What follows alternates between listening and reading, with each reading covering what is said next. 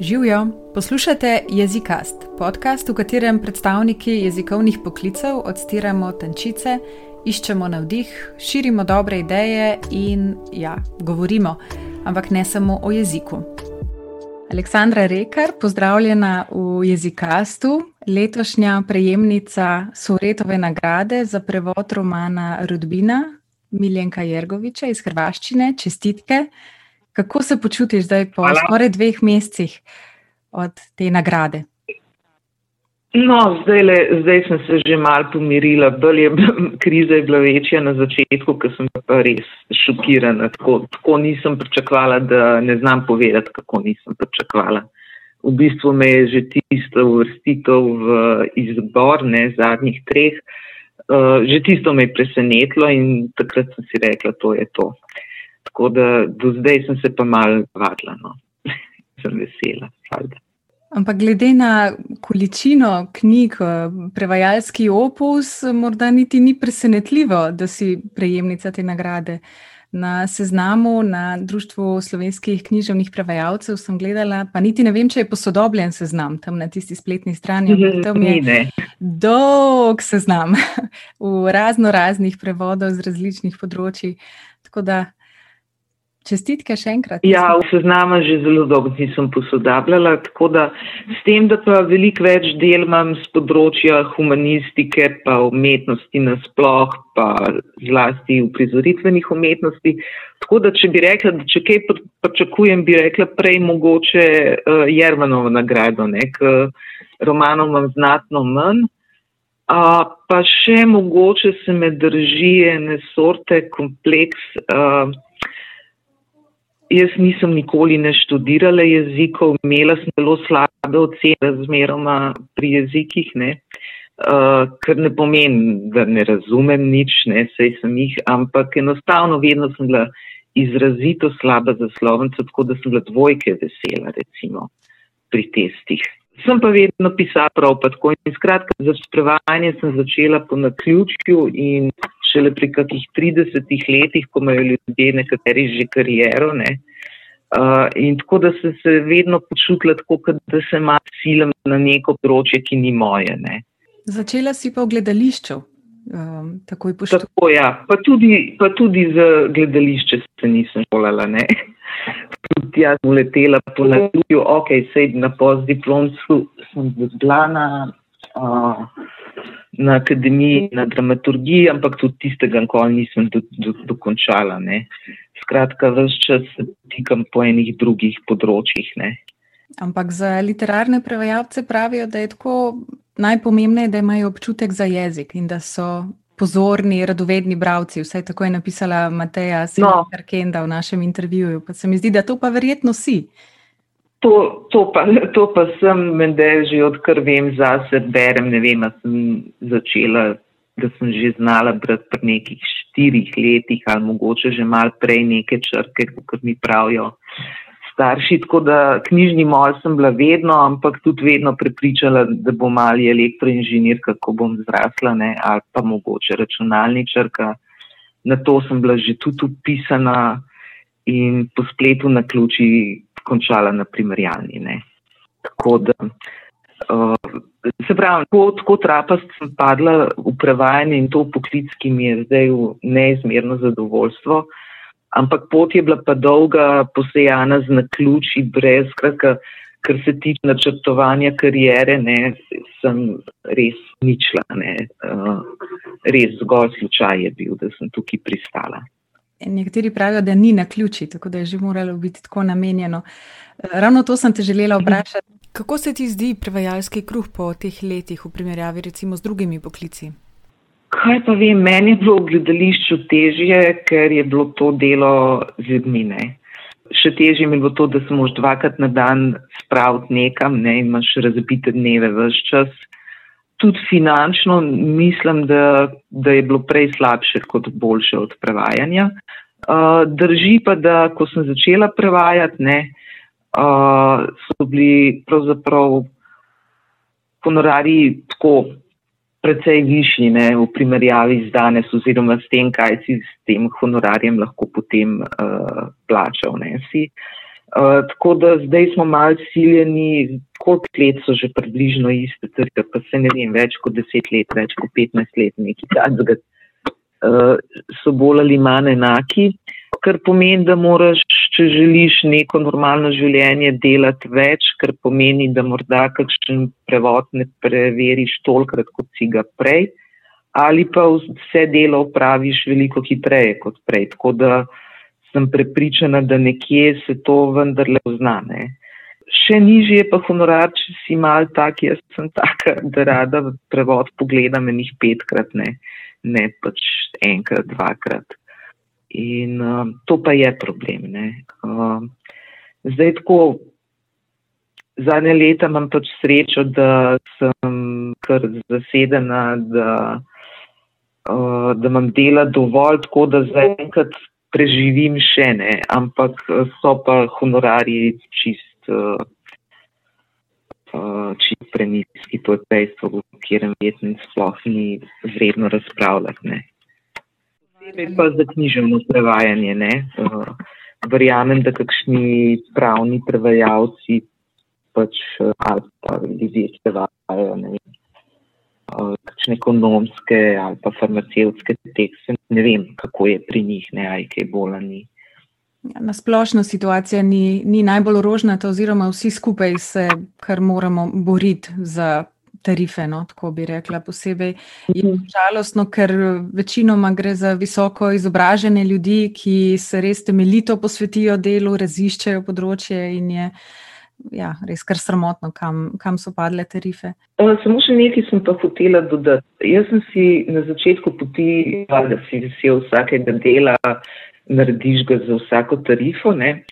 In potem so, mislim, da je bila to neka lista prevajalcev, nek forumček, na katerem smo se zbirali in se še zbiramo po malem. In so starejši kolegi pa začeli, pač, da nas ne sme biti sram, pa strah, nekaj ne zahtevamo, ne pač več, če je res pod vsako mero ali pa ne zavrnemo. Ne. In jaz sem se tega zelo dolgo bala. Ne. Uh, sem si rekla, kaj pa če bom pol naročnika, tako ne. Kar sem pa ko pa vendarle že bila kako uveljavljena, sem pa za enega naročnika, za katerega mi je bilo vseeno, a ga imam, a ga nimam, pač vedno sem za njega delala drobnarije, sicer luštne, uh, In sem se okrajžila in lepo povedala, da tok in tok potrebujem za prevez, tok in tok potrebujem za še tri, štiri preglede, ker je bila taka manjša stvar, ne prav zahtevne. No, in da to potlej na uro nanese toliko in toliko in je bila urednica presenečena in so se brez problemov zmedili za višjo tarifo. Skratka, svet se ni udaril. Uh, In potem tudi zdaj v primeru, da pač naročnik uh, predlaga res tisto, kar je pod mojim nekim osebno cifro, ki jo imam za svoj minimum, enostavno vprašam in veliko krat se zgodi, da brez kakršnega posebnega pregovarjanja to tudi dobim. Če pa ne gre, pa če ni velika, mislim, stvar, ki bi me zelo povlekla, pa enostavno ga preusmerim kakšnemu mlajšemu kolegu ali pa kaj takega. Skratka, uh, ni, ni nas treba biti tako zelo strah, strah ne, ker konec koncev, zakaj ti, če tako pogledaš, ne, ne kar čakali, da bo nekdo sam od sebe, ko joj, vi imate pa tako nizke honorarje, jaz bi vam pa rad dal več. Ne. To dan danes počakati verjetno je že na meji, ne vem, skoraj neumnosti, ne, seveda ne bo nihče to naredil. Ja, kar sami moramo zahtevati, včasih pa tudi znati eh, reči ne, ne, in tudi včasih mogoče ta magični ne mm. m, pri nas nekako odpre poti do mogoče višjih tarif uh, za druge priložnosti, mm. druge naročnike, ki pa so pripravljeni plačati nekaj več.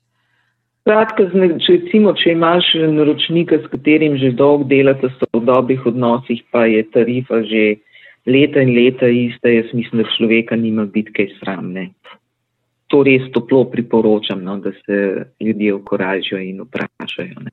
Prej si že omenjala malo o svojem prevajalskem procesu, da večkrat pregleduješ prevode, eh, si pa tudi že povedala, da pogosto zelo hitro narediš tisto prvo verzijo prevoda. Kako ja, se v resnici ja. spravljaš k delu, kakšen postopek imaš? Zdaj imamo razlike, ali gre za teorijo, ali gre za uh, literaturo, ampak načeloma jaz celo ne maram knjige niti prebrati vnaprej. Ko mi jo ponudijo, tako malo odprem na nekaj straneh, da dobim en tak občutek. Ne?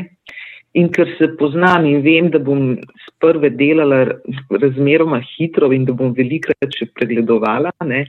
si saj za prvo prevajanje pustim ta to veselje, firca, kaj se bo zgodil, ker te tako lušno vlede in je tako vsaj prvo prevajanje ni dolgočasno. Uh, sem pa resen pregledovalski frik, jaz skoraj pri vseh knjigah veliko več časa za pregledovanje porabim. Zdaj tako s hitrostjo je pa tako uh, pri prevajanju, ker sem dvojezična pri prevajanju iz uh, jezikov bivše Jugoslavije, mi gre seveda hitreje. Uh, tam res pogosto, po če knjiga ni glih izredno zahtevna, to seveda hitro sem tam, kjer gre za neko normalno zahtevnost. Ne.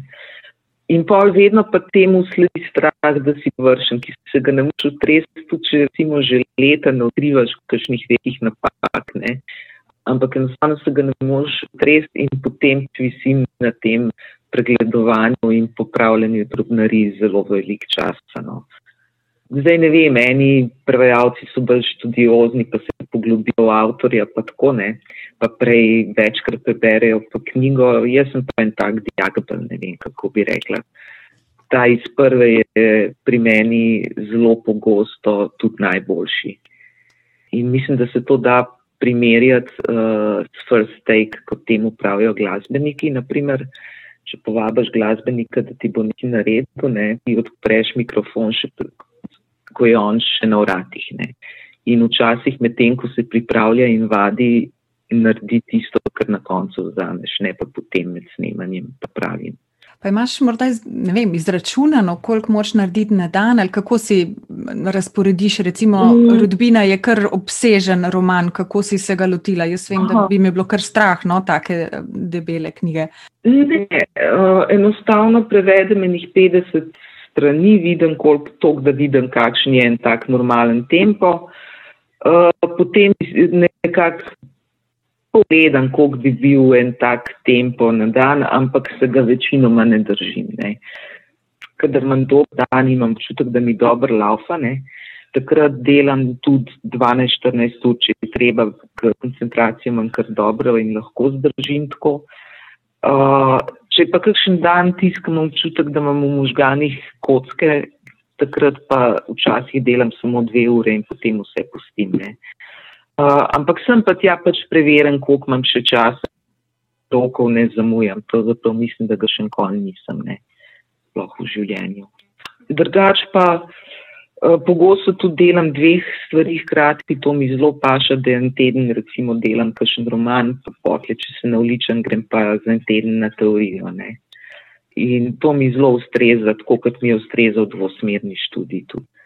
Uh, tako da nimam kakšnih glih načrtov, pa normo prevedem, ni mi pa to zdaj merilo, da bi rekla, deset strani na dan bom naredila in to je to. Ne.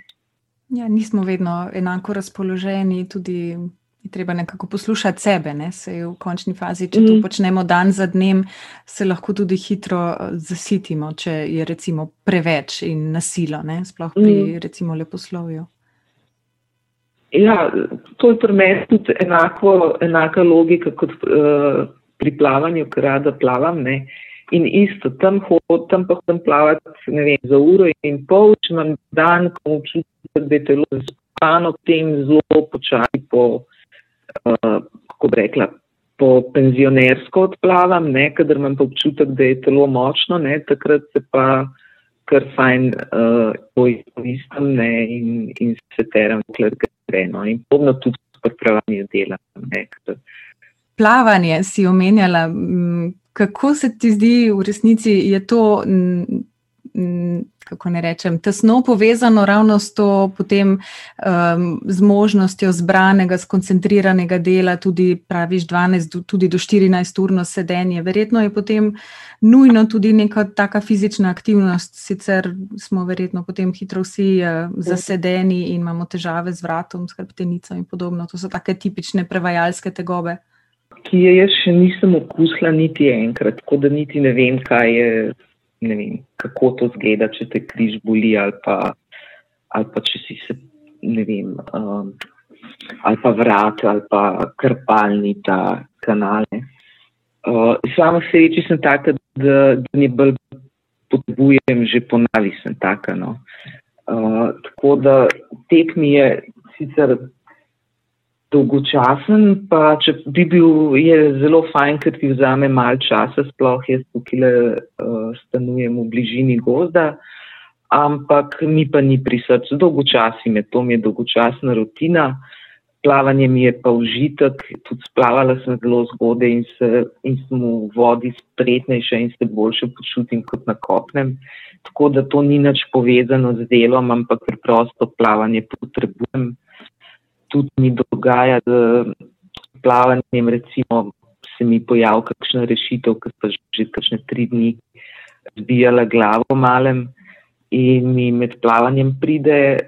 Dogaja se mi pa tudi, da med plavanjem deset minut še vem, kje sem in kaj počnem, potem pa kot bi zaspala, ne? samo sploh ne vem, kaj se mi dogaja. Po uri in pol, ko mine tiš čas, se telo kar samo prebudi, in se zbudim in pogledam na uro in vidim, da je ena ura pol minila. No. Skratka, očitno gre takrat, uh, gre možgani na en globok počitek. Ne. Plavanje mi je en tak res ogromen užitek, nikakršno sredstvo, ne vem, da bi rekla, to je pa zdaj ena obveznost, ki jo moram upraviti, zato da me ne bo križ bolo. Ne. Pomaga, verjetno pa ne. Ampak je super. Ja, sej, to je spotoma, pa fino je, preplavanje, mislim, tek je samo kardio vadba, ne, uh, preplavanje pa v tisti uri opraviš in kardio in poskrbiš za mišice, skratka ne rabiš potleš v kakšen fitness ali pa kakšnih uteži dvigati ali pa kaj tacka, ne. Tako, v bistvu je za lene ljudi zelo primerno, ne, oboje, tak, dva v enem, ne. Je. Pa proaktivnost. Prej si že povedala, da te je prevajanje in sicer um, prevajalske vode posod spremljalo precej na ključi, ampak bila si pa tudi mm. sama kar precej proaktivna, no? tudi stike recimo z založbami, z uredniki, si kar samo inicijativno recimo predlagala določene prevode.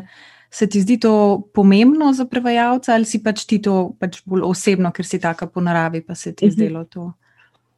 Uh, kaj pa vem, v bistvu na začetku si kar dolg nisem upala, ne?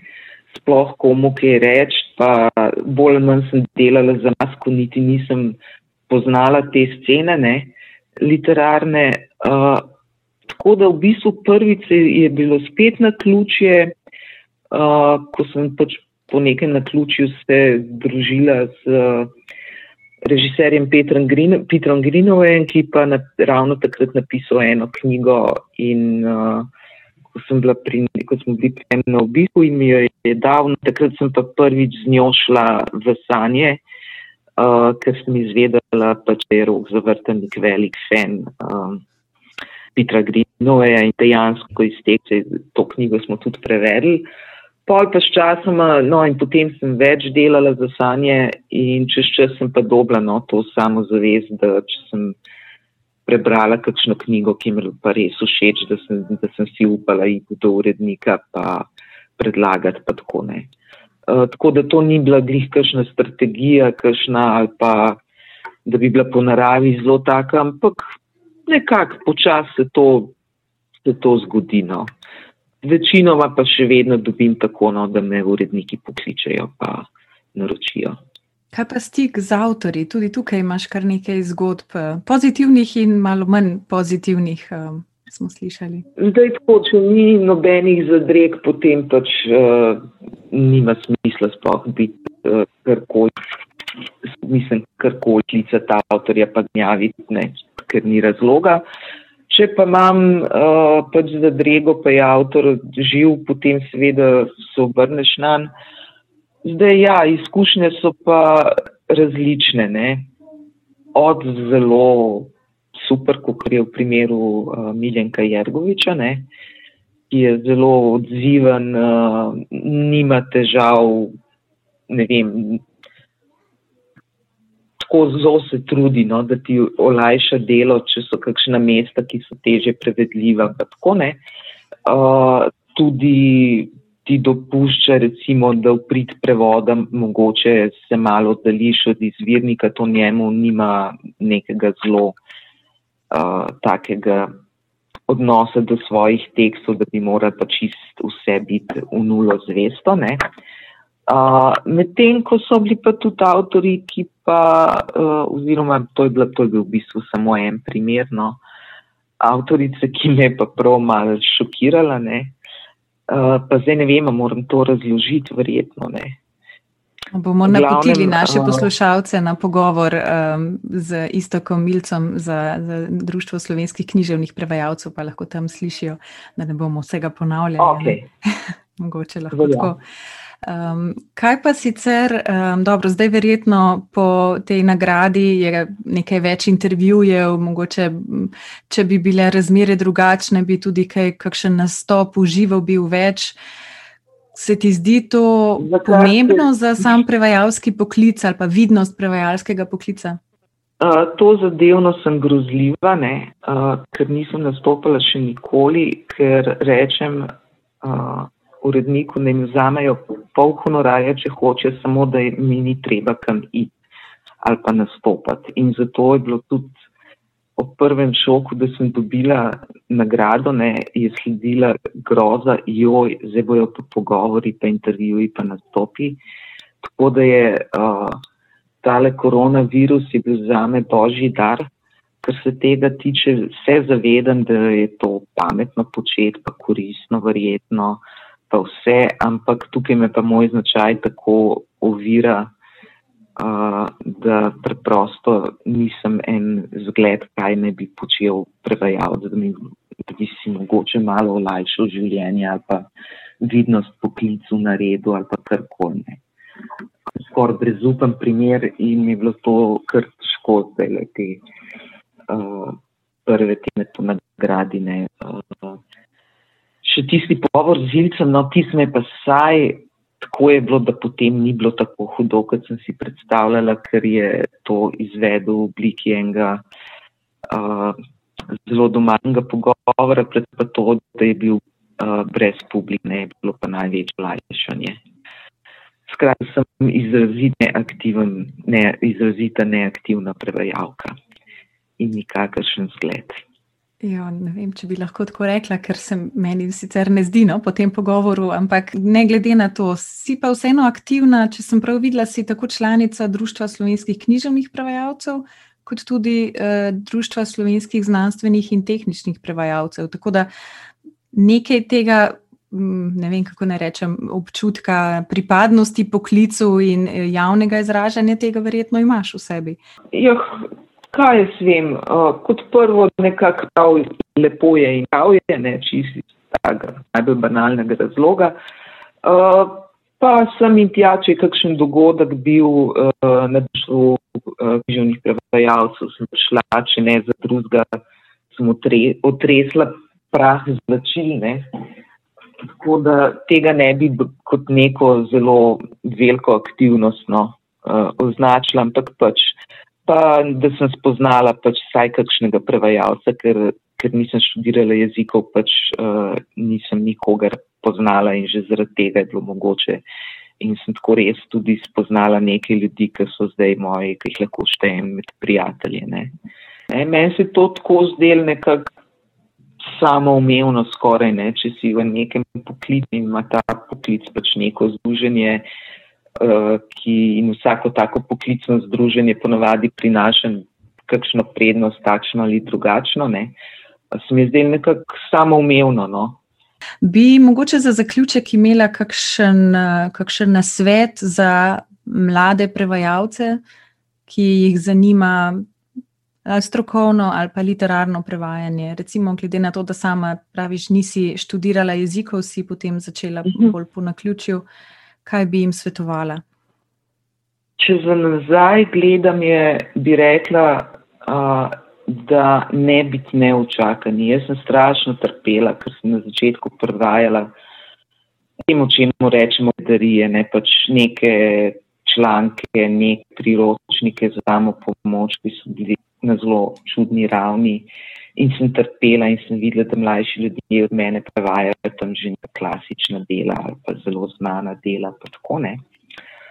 Uh, ampak skakaj zelo pozno sem prišla do, kot temu rekel, ta pravih knjig. Ne? Ampak ko sem pa enkrat se ozrla po svojih prvih prevodih, ne, se niso bili čist za nič, ne, pač tako. Ampak sem si rekla, če bi jaz takrat dobila ne, eno orn knjigo, pa kaj bi naredila z nje, ne, se to bi bilo grozno. Tako da uh, mogoče nekaj, ta kilometrina ogromno prinese, skratka pri prevajanju. Ok, nek osnovni občutek za jezik, pa za vse to že že moč imeti. Ne. Uh, ta je tak, kakršen je, ne. ampak uh, kilometrina je pa tako usodna, tako da uh, ne si želeti prezgodaj dobiti uh, prevoda kakšnega res uh, zahtevnega dela, no. uh, izid takega, ki ti je izziv res tako. Nič hudega, počakaj do takrat, ko se narediš v prevajalce. Pri meni je to trajalo, mende, ne vem, več kot deset let. No preden sem prvo tako stvar delala, uh, književno, no, ko gre za književne prevode. Pri teoriji sem prej tam sedaj, če področje poznaš, ne, tam ni tok ubadanja s slogom, ne, uh, ampak ko gre za književno prevajanje, pa res bi svetovala ne, ne, očakam biti ne. Aleksandra Rekar, najlepša hvala za gostovanje v naši oddaji. Okay in veliko prevajalskih užitkov še naprej. Hvala. Poslušali ste jezikast. Če vam je bila oddaja všeč, povejte drugim, če vam pa ni bila in imate morda kakšne pripombe, pritožbe ali predloge, pa pišite nam na infoafna jezikovni črtica poklici.si. Lahko pa nas poiščete tudi na družbenih omrežjih na Facebooku in na Twitterju. Hvala za poslušanje in do naslednjič. Ciao!